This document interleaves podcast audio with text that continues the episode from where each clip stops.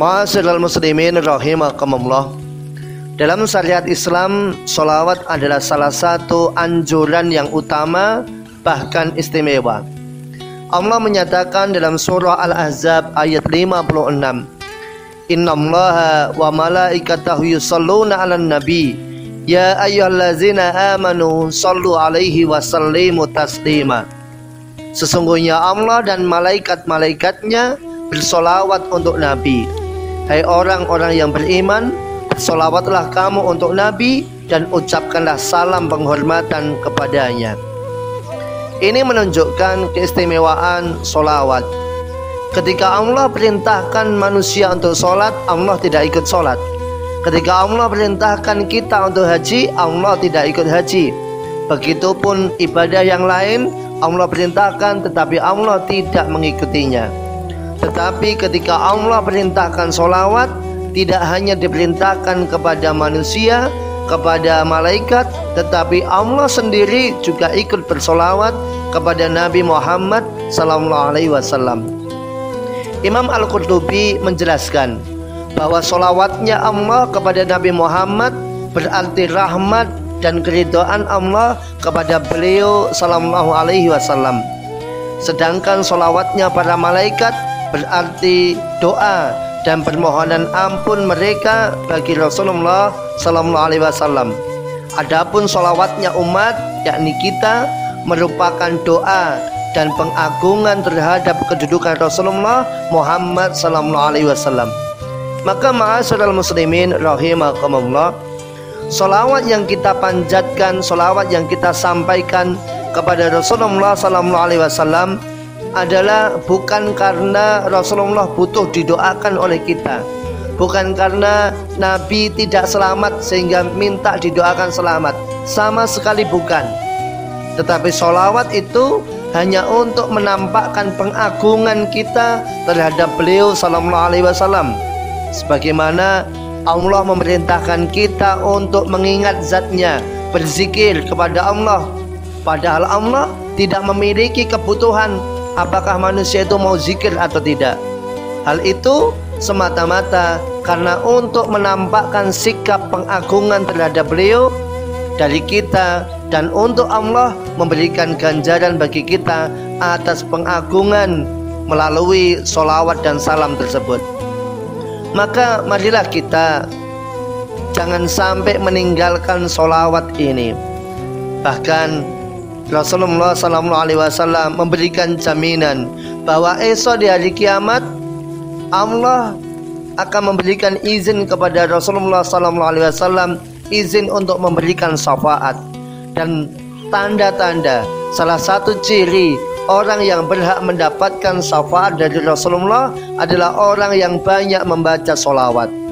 Rasulullah Sallallahu Alaihi Wasallam bersabda, "Aulan nasi fi yaumal qiyamati aksaruhum alayya solatan Orang yang paling berhak mendapatkan syafaatku pada hari kiamat adalah yang paling banyak solawatnya kepadaku.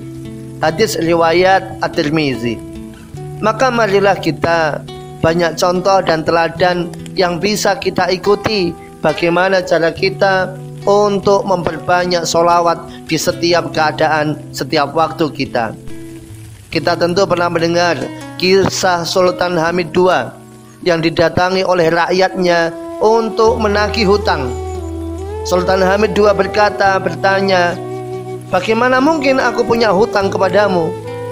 Si rakyat ini menyatakan, aku adalah pedagang yang bangkrut, yang tidak punya uang sama sekali. Tetapi tadi malam, aku bermimpi berjumpa dengan Rasulullah Sallallahu Alaihi Wasallam. Dalam mimpinya si pedagang ini menceritakan bahwa Rasulullah Sallallahu Alaihi Wasallam meminta pedagang ini untuk menghadap kepada Sultan Hamid karena ia telah lupa, telah lalai untuk membaca solawat. Si pedagang ini berkata, Rasulullah Sallallahu Alaihi Wasallam berkata, datanglah kepada Hamid kita karena ia telah lupa membaca solawat kepadaku. Sultan Hamid II merasa terkejut karena memang pada kemarin hari ia lupa membaca solawat karena saking sibuknya bekerja sampai ia terlelap. Sultan Hamid II berkata si, kepada si pedagang ini apa yang dikatakan oleh Rasulullah? Si pedagang menjawab katakan kepada Hamid kita berhenti. Maka Sultan Hamid II memberikan uangnya coba ulangi lagi apa yang dikatakan oleh Rasulullah. Si pedagang ini kembali menyatakan perkataan Rasulullah. Katakan kepada Hamid kita. Sultan Hamid II kemudian memberikan uangnya. Minta diulangi lagi minta diulangi lagi.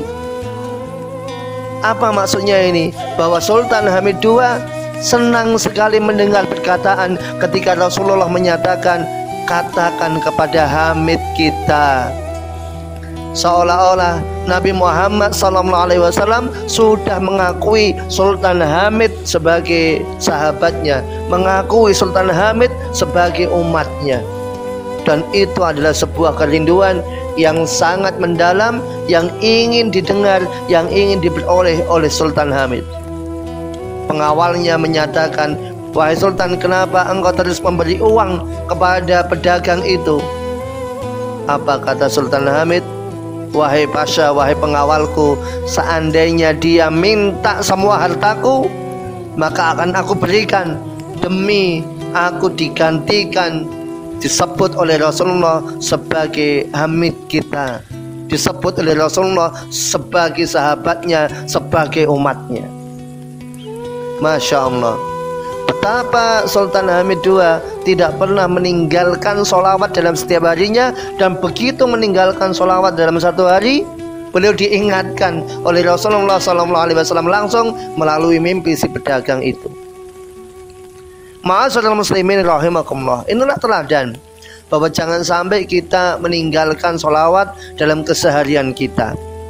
Atau kita pernah mendengar kisah seorang nenek yang setiap harinya memungut daun di masjid dari sebuah pohon yang daunnya berguguran.